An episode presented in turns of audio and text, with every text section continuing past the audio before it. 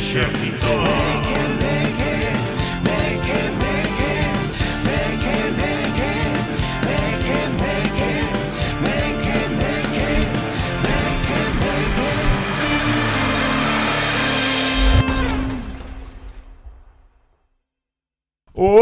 Pola Parroquia. Benvidas e benvidos outra semaniña máis ao Exército Mequemeque Un programa feito para esas persoas que este domingo se van papar todas as eleccións ali nunha mesa sentadiños e sentadiñas contando votos. Para vos, meus queridos mequemeques, vai este programa. E un programa non pode ter mellor patrocinador que moeva a marca de artigos e complementos con alma sostível que lanza a mellor empresa de toldos do calé, mundo calé, mundial. Calé. Estou a falar de... Toldos Gómez! E que esta empresa glamourosa patrocina este programa. E como cada semana, este Menda Lerenda está moi ben acompañado por dous mequemeques fundamentais do programa que Oficiais, diría Oficialísimos Que é Lidia Veiga Hola E Miguel Gómez Abad Que tal, me que me quemes? Ben Contentas Estades contentas? Sí Por que estades contentas? Emocionadas Pasa algo? Está pasando algo? está pasando algo xa Está pasando é que as persoas que nos estén escoitando Están vivindo unha campaña electoral intensa eh, que, que se respira diferente uh -huh. E dixemos Vale, Mm, queremos tocar tamén o tema, queremos meter os fuciños na, na campaña electoral, no mundo político, e pensamos, que mellor persoa para traer que a propia Ana Pontón? Moi boas tardes. Moi boas, que tal? Benvida ao Xerto Mequemeque. Un placer estar aquí, moi ben rodeada. Definitivamente. De galletas. De todo, de eh, todo. Eh, temos de todo. Metidas nun burato, porque eu, estamos metidos nun burato. Sí, eu quedome co cocodrilo rosa. Ai, sí. O, como llaman? O, o sacamoas. O sacamoas. Encántame versión Tiger, non nos patrocina, Muy, pero pero está bonita. Sí. Sí, sí eu Rosa nunca ouvirá. eh, bueno, viñamos iso para falar un pouco sobre a actualidade total da política galega uh -huh. e sobre todo nesta nesta semana que queda simplemente sete días para que este país eh, poida cambiar. Poida cambiar de presidencia. Vai cambiar. Vai cambiar?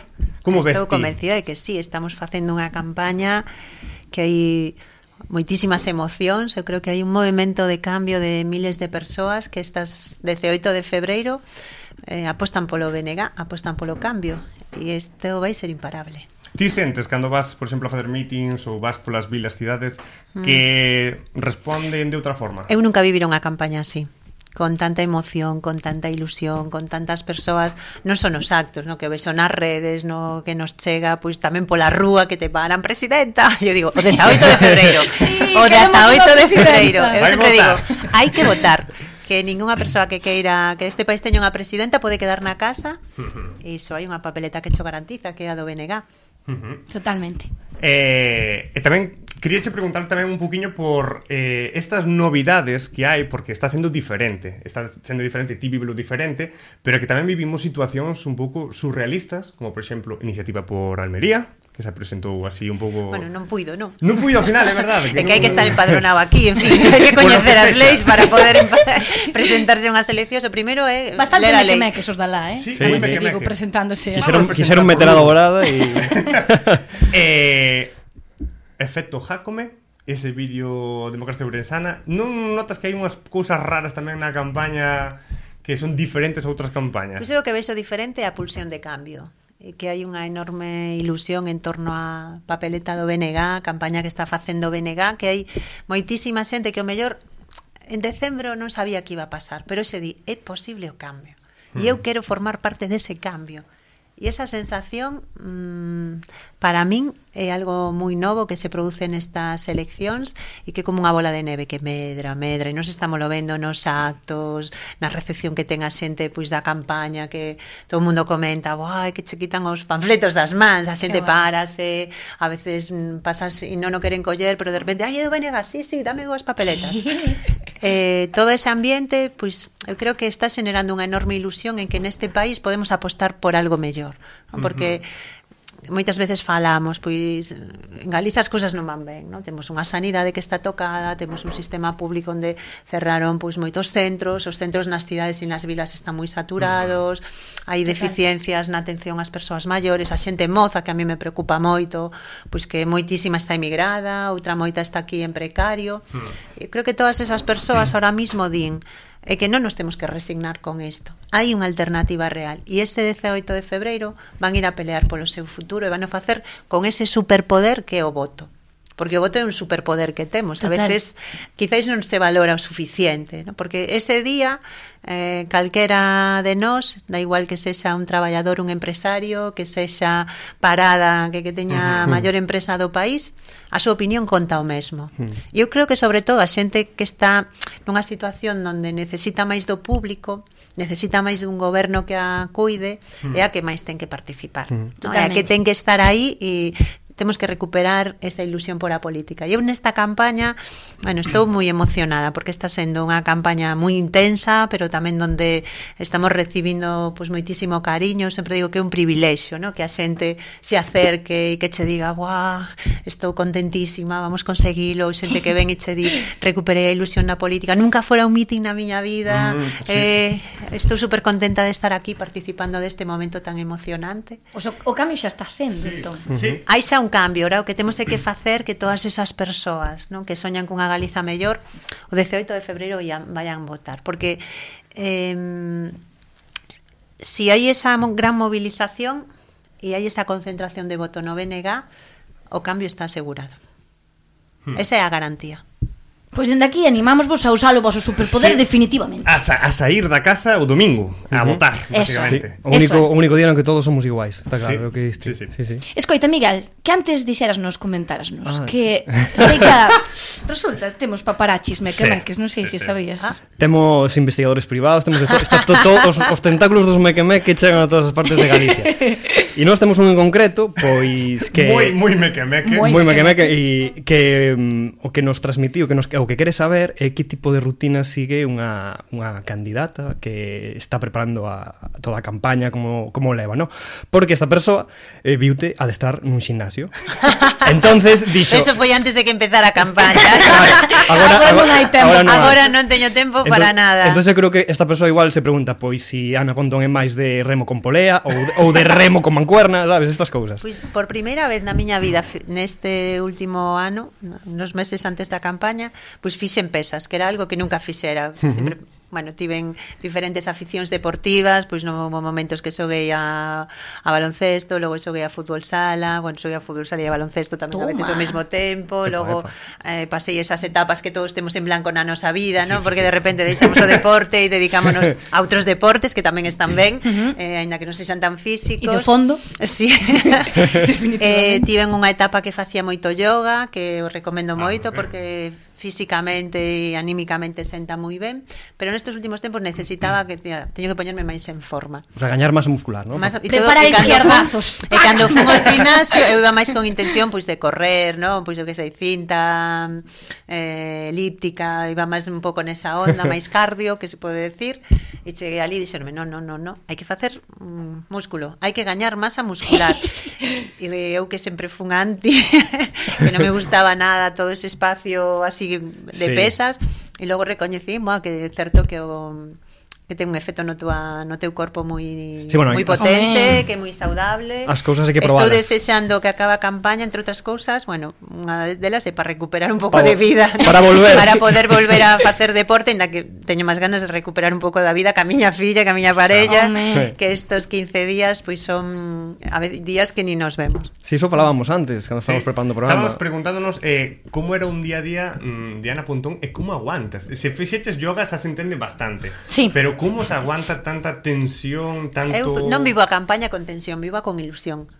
E iso é unha enerxía que te mantén e además cando hai tantas persoas ao teu carón dándoche mm. forza, trasladándoche enerxía, eu digo, teño enerxía a tope, eh?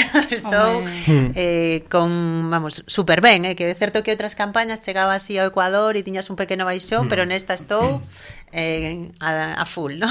É que eu vexo os políticos na tele, por exemplo, vexo que está un pola mañá en Vigo e logo pola sí. está na Mariña en Viveiro e me produce, moitos, me produce ansiedade a veces. Faz moitos quilómetros, claro. a ver, tampouco conducimos nos o coche xa, en campaña, isto sería inviable, eh, sería imposible facer as xornadas que facemos, pero bueno, pues levántome normalmente a 7, 7 menos cuarto da mañá e uh -huh. as 8, 8 cuarto estou saindo da casa e a maioría dos días pues chego ás 11 da noite. Mi madriña. Xa pero é moi bonito facelo, eu digo que é un privilexio. É un pois pues gracias polo esforzo. Poder estar coas persoas, compartir a todas todos estos momentos que estamos compartindo con tantísima xente, a min ademais é o que máis me gusta a política, estar coa xente, porque isto é un servizo público, tes que ter mm. esa vocación de servir á sociedade e de participar con todo o mundo, que haxa tanta xente que quere apoiar o que representamos, pois eso eu digo vos que é un privilexio. Normal. Eh, falábamos antes de saber escoller, de das eleccións, uh -huh. e do importante que é este domingo sair a pues escoller unha das papeletas. Así que trouxémosche un xogo das eleccións e imos te poñer a proba a ti para saber que tan ben escolle Ana Pontón.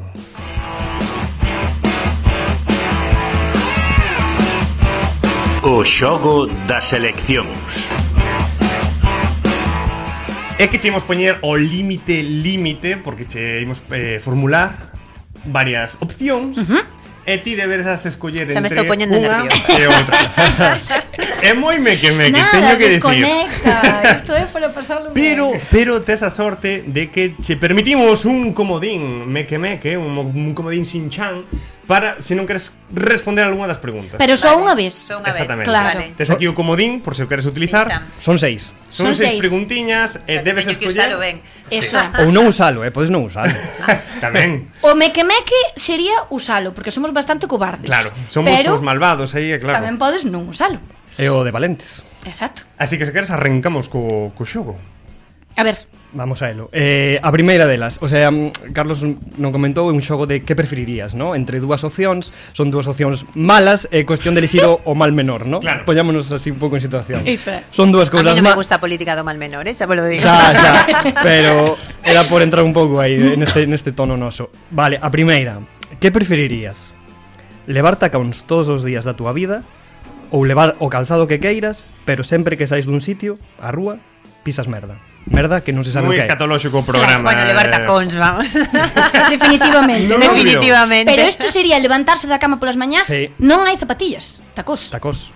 E a ducha, tacós. Ta ducha, tacos. Praia, tacóns. Pero outro... Noutro caso, claro, terías claro. que ir tirando merda todo o día. Eh... Sempre que sais por unha porta, merda de can. Que pode traer boa sorte, probablemente. Bueno, estaría chea de boa sorte, eso sí, definitivamente.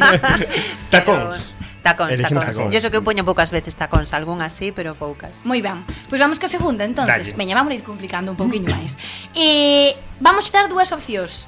Levantarte polas mañás e que o teu despertador soe tal que así. A ver. Tu tu tu tu tu.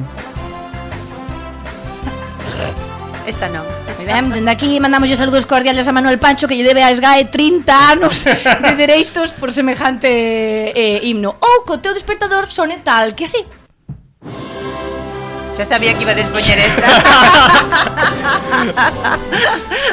Levantas Nos dous casos levantaste con moita forza Mira o lado é apagalo Iso é Conclusión claro. non sei se te levantarías, pero claro, só so, soa, logo podes apagalo, pero cal das dúas? Evidentemente non preferirías ningunha das dúas, sabémolo.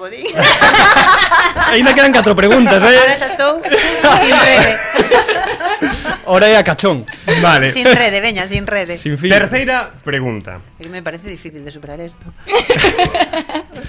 Vale, sempre que vayas a intervir no Parlamento eh, Facer propostas ou denunciar algunha causa eh, Só te van a escoitar en Chorente É dicir, as cámaras, todo que te retreme, solo en Chorente. A xente de Chorente vai estar informadísima. O resto escoitamos te move a boca, pero, pero non. Pero nada, fallou aí a conexión. Eso é. Pero eh, temos a outra opción que é que te escoite todo o país, todo o país está escoitando todo o que dis, pero sempre que rematas unha frase vas cuac. Imagínate, galegos e galegas, cuac. Estou moi contenta de estar hoxe aquí, cuac. Mm. Eh, a segunda. Que te escoiten que todo o país. Non? Que me escoiten, que sea con cuac. tamén te escoitan en Chorente. Eh, claro. En pouco cuac. Pasa que os de Chorente cada vez somos menos, eh. Temos pouco peso e influencia política, entón. Claro, Eu penso hay... que te gañarías a simpatía de moita xente se acabas sí. todas as frases con cuac. Eh, non, non teño claro. Chegarías incluso Pero mesmo son estas cosas patos. que nunca imos a ver. Tamén no. é certo, menos mal. Menos mal. Temos outra. Temos outra. Veña. Esta é complicada, eh? Atención. Sí. Primeira opción. Que o contido do xabarín e a canle de xabarín desapareza horror por completo, sabemos que é un horror, ou a segunda opción, que se privatice a CRTVG. Horror tamén. Horror tamén. Eh, horror, horror, horror, pero creo que mm, a segunda é peor. Sí, a segunda non? é peor, porque cunha pública ainda podemos facer un novo xabarín. Claro. Eh, que ben fiado. Ben fiado, eso, ben fiado, ben fiado, sei o paso.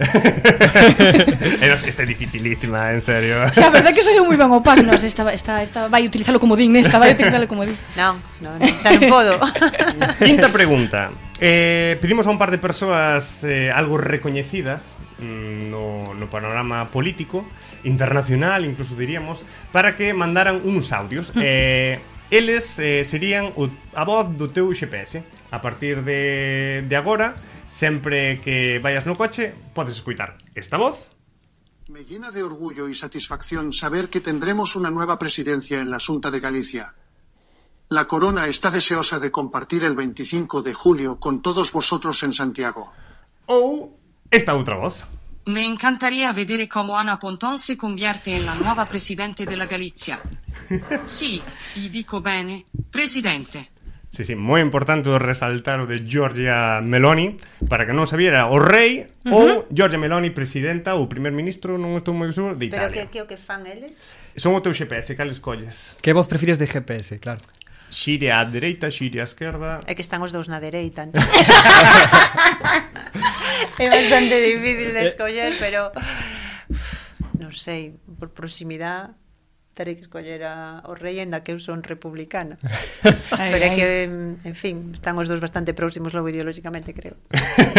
Segunda, seguinte pregunta e última. A última, veña, a última. Xa non é como din, Eu superamos, si, sí, bueno, eu creo que o difícil xa, o difícil xa, pasou, xa pasou, xa pasou, xa pasou. Eh, a última, que preferirías?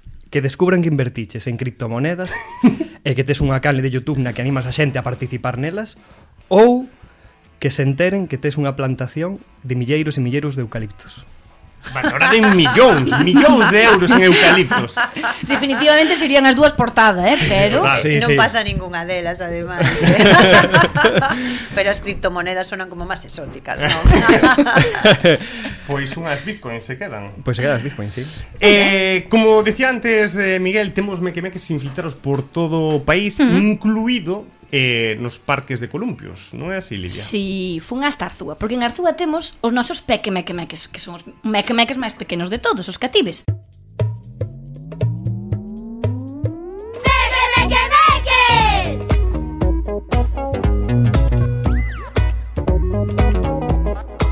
pregunteilles que se fosen presidentes presidentas, neste caso, porque son a gran maioría mulleres, que que, que, que farían? ríos máis grandes do mundo hacían a súa. Que teria que estar máis barata a gasolina e a comida. E que todo sea gratis. Matar a xente que me cai mal. Que todos os hoteles de cinco estrellas se convirtieron en unha. E faría máis ranchos en Arzúa. Que nos paguen por ir eh, un día ao cole. Pero que nos paguen eh, 500 millóns. No, no, que nos paguen... Por segundo. Eso quemaría el colegio, como non. Eu donaría no, no sé sangre e dar cartos Audio necesitan e tamén comida. Eu mataría a Putin. Eu daría. A quen? A Putin. Xo, xo mata ela. Fajo o funeral, eu son o... Como se chama? O cura. cura. Moi enterados en política internacional. Sí, sí, sí. Teñen fortes eh? en Arzúa. Sí, sí, están. Verdad que sí? Última, eh? Pois pues que che parece? Que che parece? Serían boas presidentas? Ai, non estaría de acordo con todo. o de pasar A min o de facer un gran parque de atraccións parece unha sí, boa ¿no? idea, porque os nenos e nenas non os tratamos o suficientemente ben. Mm. Non temos o suficiente consideración. Esquecidos, verdad? Sí, temos que escoitalos máis, eh? Aí pareceme que temos un déficit como sociedade. Sí, Por sí. eso os trouxemos, para escoitalos máis. E aí, bueno, ah, logo teñen outras que eu non suscribo. No. Cando entramos no plan asesinato. no, máis estaban coordinados, eh, que un tá, outro enterraba, sí, bueno, Sí, sí, eh... sí, eles estaban se escoitando, traballo en equipo completamente. Sí, sí, bueno, están ben ensinados nese sentido. Eh, a seguinte, preguntoulles Lidia porque foi a que a que estivo ali, polos nomes de partidos políticos que eles inaugurarían, eh, que tipo de partidos serían, como farían, que nome lle pondrían, no? E vámonos escoitar, a ver que nos din. Pede partido da diversión. E que farías, Dendel? Moitos parques de atraccións e moitas festas. Aquí dentista. A mí me gusta que todo o mundo teña os dentes ben. Obviamente que sea moi barato, porque o dentista é super caro. Todos iguales. E que farían de, de que farías, dende Que fueran todos iguales. Non tabaco, eh, eu faría cerrar todas a, os estancos, e así ningún e home ou muller non terían o pulmón negro. Partido, partido da im, imaginación que todos fajan o que queiran e ese... Bueno, que, que fajan o que queiran e que queiran o que queiran. Vai, é moi cookie. Sí. Bueno, están eh, a, a, impresionantes, non? Verdad? Sí, eu quedo me co dos partidos dos dentes, me parece increíble. Sí. moi preocupada eh, pola salud sí, dental. pero mira, ves, nos propoñemos que odontoloxía entre sí. o sistema sanitario público. Mm que poidamos facer que a tua dentadura non diga de que clase social eres. Elisa, pues sí. es do mm. blog que non o sabes ainda. Encantoume o partido de diversión. Eh, Verdad? Sí, sí, sí. Moi político ademais, sí. que todos sexan todos e que fagan e, todos. E logo está aí o que xa se ve que outra visión que é o da igualdade que xa é a segunda vez que vai por ese camiño ¿no? que vexo uh -huh. que estamos na onda efectivamente e eh, tamén eh, Lidio preguntoulle e isto é moi importante sobre todo para calquera organización política como conseguir votos pois que tanto as entradas para un concerto ou para un parque de atraccións ou nas festas sea todo gratis. E, por exemplo, eles me piden queren un parque mellor en a súa, eu fágollo sin problema. Eh, ahora, las promesas que hacen los políticos y eso no son nada de verdad. Si, si intento, cumplo. Lo intento no, y cumplo algunas. Algunas. Votademe porque mm, eu vou dar eh, vou falar ben do que vou facer, cambiar os parques e tal, e se me votades eu non o fajo. Había unha proposta que me soaba moi familiar, eh? Moi que se palpa incluso nesta campaña. Creo que había un candidato que non son eu, que era un pouco aí, non? Sí, parece, semella. ¿eh? Prometendo todo o contrario do que fixo nestes 15 anos. Eh, de todo xeito, sexa como sexa, mandamos unha aperta moi grande aos, aos nosos meques e aos seus pais e nais que ademais fan o que o que sexa posible para formar parte deste exército, así que moitas grazas por participar e sí, por querer totalmente. ser tan meque meques como sodes. Non cambiedes. Ou sí, pero amén. Pois sí, moitísimas grazas aos pequemequemeques E, eh, bueno, imos xa indo poñendo xa eh, fin ao, ao programa Xa pasa rápido, xa dixemos que iba a ser fugaz uh -huh. o programa E, eh, nada, desexarlle tamén un mundo de sorte neste domingo a, a Ana eh, Que vaya super ben, a verdad E tamén engadir, e isto é pequena anécdota persoal que, que engado eh, Moi pouquiñas persoas saben unha cousa que pasou eh, que eu cando traballaba en Madrid, eh, estaba con Néstor, eh, me ofreceron traballo para vir para aquí, deixei Madrid, deixei todo para vir a Compostela. Vir para aquí sempre mellor. É que claro, eh, foi unha oferta que non puiden rexeitar. Deixar, deixar a diáspora de tanta crispación ali, no, Dez anos de diáspora que acaban, vamos xa. Eh, entre todas as persoas non que me escribiron para desexarme un bo comezo laboral e que todo me fora ben, foches ti unha delas. Lembro a pesar de que coincidiremos só unha vez traballando ali, cando foras incluso a firmar o, a, investi a primeira investidura, o mm. pacto de, de investidura, e dixen, jolín, eh, esta muller que simplemente tratei con ela unha vez, acórdase de min, non sei como se enterou.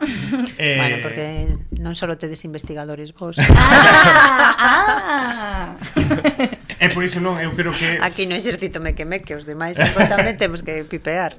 E, e, eh, eh, non, foi un detalle que a min sorprendeu moi pouca xente o sabe, porque eso sabía, non, non sei, na miña familia e, e xa está, E dixen, jolín, que Ana Pontón eh, a jefa jefaza do, eh, Non son nada xefa, eu son unha máis eh, eh, Tócame estar aí, pero, pero Estos somos moitos e moitas. Unha soa non cambia o mundo. Totalmente. Temos que cambiálo entre todos e todas. Eso é o que temos que facer o 18 de febreiro Cambiar esta pequena parte do mundo. Pero foi, pois pues eso foi un detallazo eh... Bueno, alegrome de que che gustara tanto Home, bueno.